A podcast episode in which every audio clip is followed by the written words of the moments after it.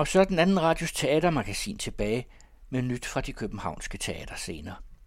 Det handler i denne martsudgave primært om den aktuelle opsætning af Homers Iliaden på Betty Nansen, men vi kommer også rundt om teatrets profil, stemmen som værktøj og får nogle anbefalinger til kommende premiere. Hør her, hvad vores teaterkritiker har fundet i sin kastesigte. Ja, vi har som sagt kun ét stykke på plakaten denne gang, Iliaden på Betty Nansen. Men før vi når frem til Trøjers bymur, måske en og anden lytter har bemærket, at det er småt med besøg på denne scene her i programmet. Hvis vi nu kommer til Tæn mig vel, var sidste omtale den noget stemoderlige anmeldelse af kammerat Napoleon for godt et år siden, hvor jeg metaforisk sammenlignede forestillingens udfordringer med teaterets klimaanlægs Dito, der døjede under de mange tons jord, der indgik i scenografien. Ikke videre redeligt, hvis man vil tage teaterkritikken alvorligt, det medgiver jeg. Derefter fulgte en kort recibemærkning om mørkt forår, som gik på annexscenen Edison, og som sådan set var fremragende, men da mit program først blev udsendt efter at stykket var taget ned, prioriterede jeg ikke at give forestillingen flere ord med på vejen. Siden var kastesigten med til premieren på Spilleren, der ifølge denne kritikers smagsløg led af samme svagheder som kammerat Napoleon. Men inden jeg havde fået sat ord på, hvordan min manglende entusiasme kunne forklares eller forsvares, og når man kritiserer et stykke, eller rettere, når nu to stort opsatte forestillinger led af samme dårligdomme, et helt koncept, eller om man vil, en kunstnerisk vision, ja, så skylder man jo at være grundig. Og så var tiden igen ligesom passeret, eller jeg var for sløv, om man vil. Sidst jeg var på besøg derude på Frederiksberg, var til den surrealistisk dystopiske Væggen med en fabelagtig Christine Albæk Børge alene på scenen. Stykket var bygget over en østrisk romanklassiker fra 1963, og årsagen til, at jeg nævner disse uanmeldte stykker, er, at det giver lytteren et godt indtryk af, at Betty Nansen gennem de seneste år har gjort det til en slags identitet at tage et livligt, for ikke at sige ungdommeligt, fagtag med kendte litterære forlæg. Fra forrige års kioskbasker Stolthed og Fordom over Orwell, Unika Syren, Dostojevski og Marlene Haushofer og altså nu Homer, lader det til, at Bettys profil, siden Elisa Kravrup satte sig i direktørstolen i 2018, er at sparke litterære klassikere i nosserne. Eller, hvis man kigger nøjere efter, synes det at være tilfældet med de klassikere, der er skrevet af mænd, mens de litterære forlæg, der kommer fra kvinder, behandles noget mere erbødigt. Alt i alt meget godt i takt med tidsånden, og med eller uden teatrets husdramatiker Line Knudsen, er det sådan set også ganske originalt, og vel også kommercielt favorabelt, i og med, at der er indbygget en genkendelse i stykkets titel. Man tager med andre ord et stof, som hvis ikke alle, så i hvert fald rigtig mange kender, og så koger man det op med sit kunstneriske gemyt, tidsånden, musik og lidt lir, og ud af det er der så kommet en række forestillinger, der ikke har ret meget til fælles med deres respektive litterære forlæg, men som indbyrdes har en række paralleliteter. Der er meget, i mangel af bedre ord, queer podet på fortællingerne. For eksempel spiller kvinder mænd, mænd spiller kvinder, mænd kysser med mænd, kvinder kysser med kvinder. Manieret affekterethed i kropssprog og kostymer bliver stærke karaktertræk, og kønsidentiteterne generelt flertydige. Et andet træk ved Bettys forestillinger er som nævnt musikken, som fylder meget i det sceniske indtryk. Enten som i Kammerat Napoleon ved at blive spillet live på en scene bag ved scenen og have sit helt eget udtryk, uafhængigt af forestillingen, eller ved at skuespillerne selv går rundt med instrumenter og bryder ud i sang, som nu her i Iliaden. Ja, lyduniverset fylder i det hele taget meget på Betty, og synes at være gentænkt som en vigtig selvstændig rolle i oplevelsen. Det er noget, man også genfinder på de andre teatre, men ingen gør det helt så konsekvent og dygtigt, som de gør det ude på Betty. Jeg vender straks tilbage til, hvordan disse elementer indgår i det nærværende stykke, men i forlængelse af det med lyden, vil jeg lige her i en kort recibemærkning nævne, at jeg for nylig læste en interessant artikel om kunsten at bruge sin stemme. Her hævdes det, at den er gået tabt i moderne teater. Og det at kunne levere ordene og psykologien, blot ved at modulere stemmen, og i det hele taget at mestre dens iboende magiske kraft, er ifølge forfatteren og en række ældre skuespillere, han taler med, en evne, der er gået af mode, og derfor ved at blive helt glemt. Jeg skal være ærlig og sige, at til at begynde med nikkede jeg bare lidt åndsfraværende til pointerne. Det er desværre sådan lidt min default ryggradsreaktion. Ja, verden er lave, og det gælder selvfølgelig også skuespilkunsten. Men i løbet af de næste par dage blev artiklens perspektiver hos mig, og det gik langsomt op for mig, at det ikke bare er enig. Og hvis man går ofte nok i teateret, tænker jeg, at alle selv har erfaringen, at den ældre generation har et større register i deres stemmer til at tegne en stemning med, end den yngre, hvor dygtige de end er. Ja, måske gælder dette fænomen ikke bare i scenekunstens, men også i musikkens verden. Ja, måske er vores allesammen stemmer bare i det hele taget blevet fattigere på nuancer og psykologi. Og hvis det virkelig er tilfældet, og teateret skal spejle verden, ja, så bider det sig selv i halen. For så vil det jo nu være opstyltet, hvis skuespillerne taler helt forskelligt fra verden omkring dem. Eller er det blot et generationsskæld, og mig, der misser nuancerne og dybderne i den yngre generations stemmebrug? Ja, sådan fortsat min tankerække, og det er måske værd at tænke lidt over, men inden jeg kommer for langt ud af denne tangent, så er der faktisk en rød eller blålilla tråd op til det nærværende stykke på Betty Nansen. Instruktøren, norske Eline Arbo, har nemlig valgt at lade de otte figurer på scenen tale med dialekt.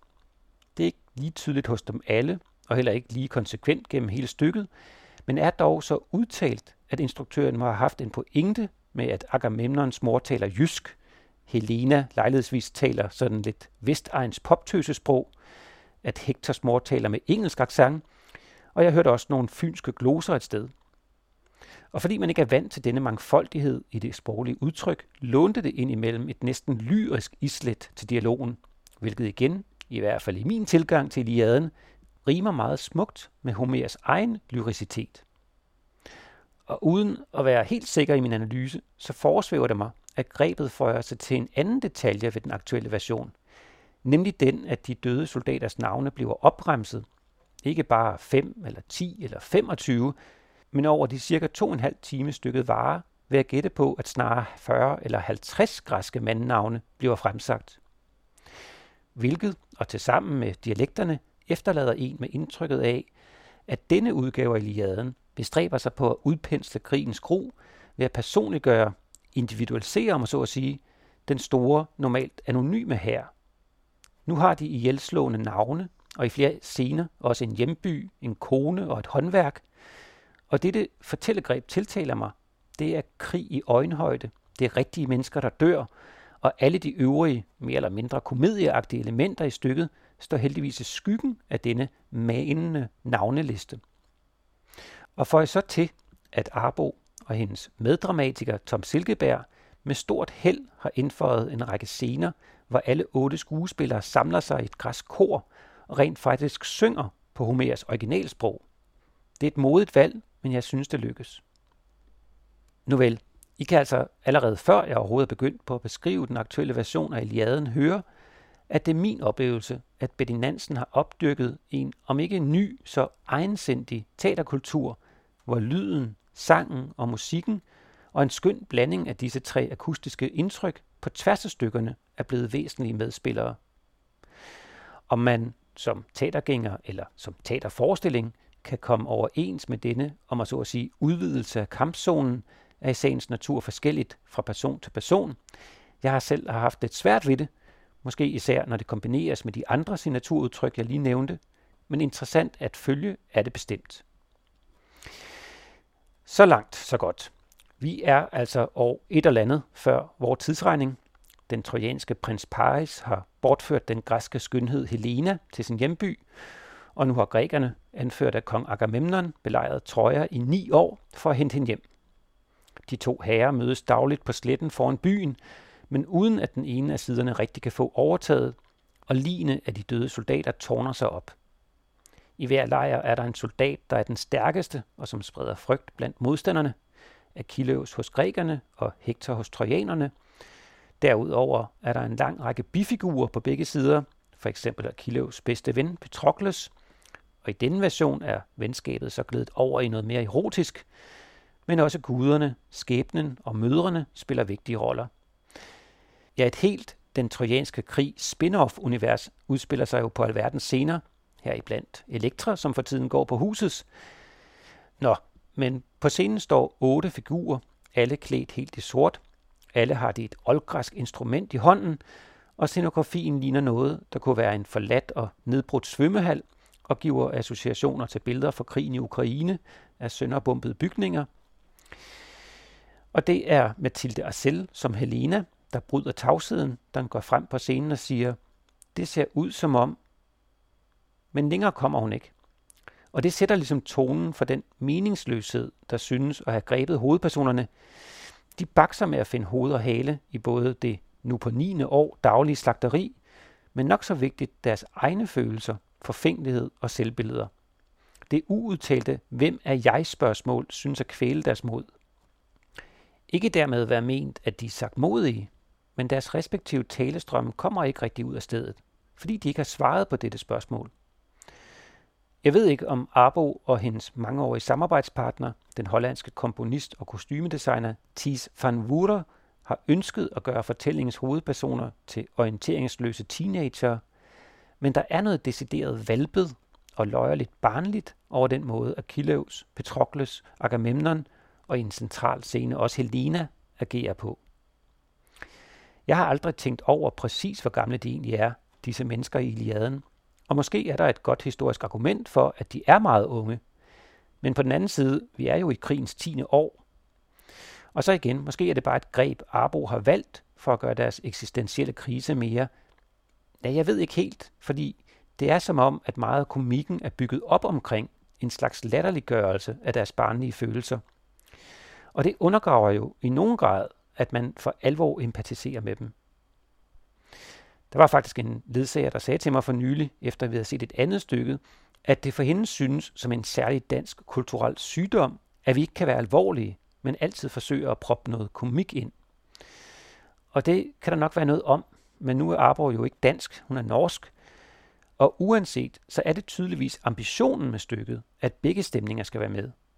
Det grusomme og alvorstunge, som i en af de smukkeste scener i forestillingen, hvor kong Priamos, flot spillet af Asbjørn Kron Nissen, enten fysisk eller mentalt voldtager Helena, hvilket metaforisk illustreres ved, at han langsomt graver hul gennem maven på en lærfigur af en kvinde, som Helena læner sig op af. Og det farseagtige, som når Achilles går rundt med læderjakke og bar mave og ligner en selvfed rapper, mens han fornærmes over ikke at få den anerkendelse, han synes, han fortjener, eller når Agamemnon spillet af Anders Budde hysterisk stolper rundt for at finde en passende selvretfærdiggørelse, der berettiger, at han har taget Achilleus krigsbytte, kvinden Briseus, fra ham, og dermed forårsaget, at Achilleus nægter at slås, og i stedet fædrer den med oliventabernadet ombord på sit skib. Ja, hele episoden med Achilleus strække fylder meget, og måske også for meget i Arbos version. Et fokus, der som nævnt mestendels bliver brugt til komiske optrin, og i hvert fald ligger meget langt fra det litterære forlægs første sætning, som lyder, Syng os, gudinde, om vreden, der greb Peleiden Achilleus, vreden den fæle, som voldte arkæerne tusinde kvaler. På den måde har instruktøren Eline Arbo gjort en forestilling, som synes helt i overensstemmelse med Betty Nansens nye stil. Et fripostigt og tidsåndssensitivt fagntag med en litterær klassiker – hvilket, fandt jeg ud af, da jeg googlede hende, faktisk er hendes varemærke fra Amsterdam, hvor hun er uddannet og har haft succes med at nyfortolke både Schiller, Ibsen og Tjekov. Hendes læsning af Iliaden, ja det tænkte jeg allerede, mens jeg endnu sad i teateret, har også visse lighedspunkter med Anja Berens version af Odysseen, som gik på det kongelige sidste sæson.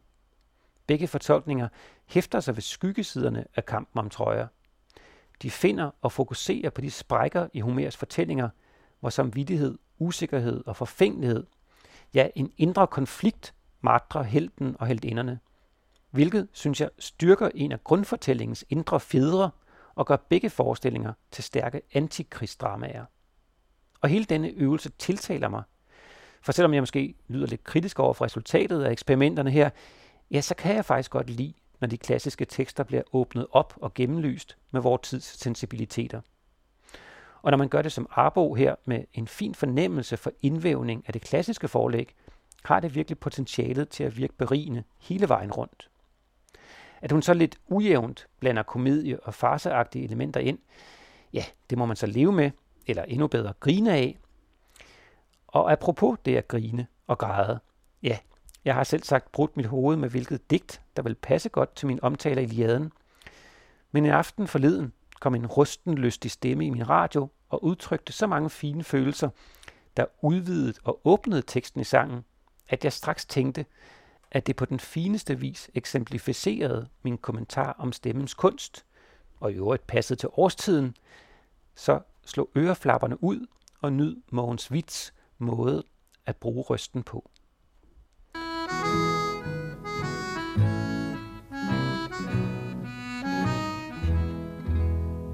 Nu lukker atter de lange veje, og jeg har flækket de gamle sko.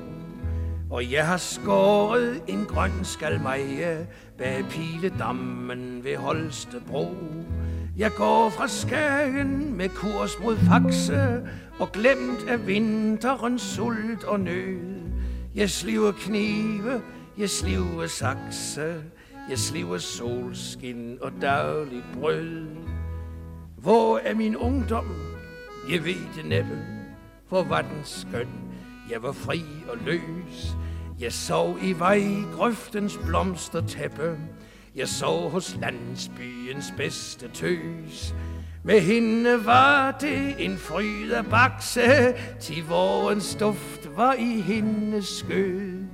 Jeg slev kun knive og rustne sakse, men slev dog solskin og dagligt brød. Jeg var jo bare en skør skal slipper, for uden hjem og for uden ro. Jeg var kun rakker og hundeklipper, og bunden stængede for mig sin lå. Han var så selvsikker, til hans akse var plantet stødt i et stort fad grød. Jeg slev kun knive og rustne sakse, men slev dog solskin og dagligt brød. Dengang var brændevin hver mands eje, til den var billig, og den var ram. Men malort voksede langs alle veje, og gav kulør til en fuseldram. Åh, svigerbrødre, åh, lor i faxe, I drak jeg tumpe fra videre sans.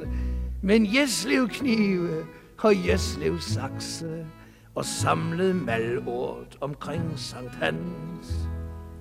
Den, der har pligter, kan sagtens dømme en pjalt, som ikke betaler skat. Men jeg er digter, og jeg må drømme, til jeg er et med den lyse nat. De digtere er så mange slags, og selv blandt dem er jeg kun en fandt, der sliver knive, der sliver sakse, og takker rørt for en kovers land. Oh, yeah hvor er I nu? Alle I er kendte, hver buttelpige, hver kammesjuk. hver anden er jeg på Sundholm endte, hver anden kvaltes i flaskens kluk. Men jeg er stadig i blandt de vakse, mit hår er hvidt, men min tud er rød. Jeg sliver knive, jeg sliver sakse, jeg sliver solskin og dagligt brød. Det var alt for kastesigten denne gang. Den kommende uge byder på premiere på maratonforestillingen Arven på det Kongelige, som i weekender spiller i hele sine mastodonte 8 timers varighed, inklusiv spisepause, som det hedder i programmet, og i hverdagen er brudt op i to kapitler. Og endelig er der premiere på en forestilling, som jeg har ventet flere år på, ja faktisk lige siden jeg var til screening på Kirsten Astrups afgangsfilm fra Kunstakademiet Tro og Aksom, som senere blev i talesat som første del af en trilogi om velfærdssamfundets forfald, og blev fuldt op af Urolig Hjerte, filmen om de danske statsjernbaner, nu med Astrups partner Marie Bordoff som medskaber, og endelig kom så forrige år filmen om Statens Museum for Kunst. Men selvom alle filmene er stærkt anbefalingsværdige, så var det som om, at den oprindelige idé om at vise velfærdens sammenbrud ikke rigtig blev forløst. Og da jeg mellem film 2 og 3 talte med Bordoff, fortalte hun, at de arbejdede på et manuskript om folkeskolens opløsning. En idé, jeg synes lød helt perfekt til deres skæve perspektiv, men som altså aldrig, eller i hvert fald ikke endnu, er blevet realiseret. I stedet skabte de den meget vellykkede O's historie på husets teater, og derfor er det med den største forventningsglæde, at jeg næste weekend går gennem Revolver Større for at se kunstnerduens nye stykke til tjeneste med undertitlen En omsorgspolitisk forestilling. Ja, selvom jeg endnu ikke har set stykket, så håber jeg, at I alle gør brug af anbefalingen og går ind og ser til tjeneste. Vi linker til den og de andre stykker på hjemmesiden på genhør. I hørte den anden radios teaterkritiker Rasmus Blæde Larsen, og det var skuespilleren Mogens Witt, der sang den gamle Skær Slippers forsang af Kai Norman Andersen i en indspilning fra 1955.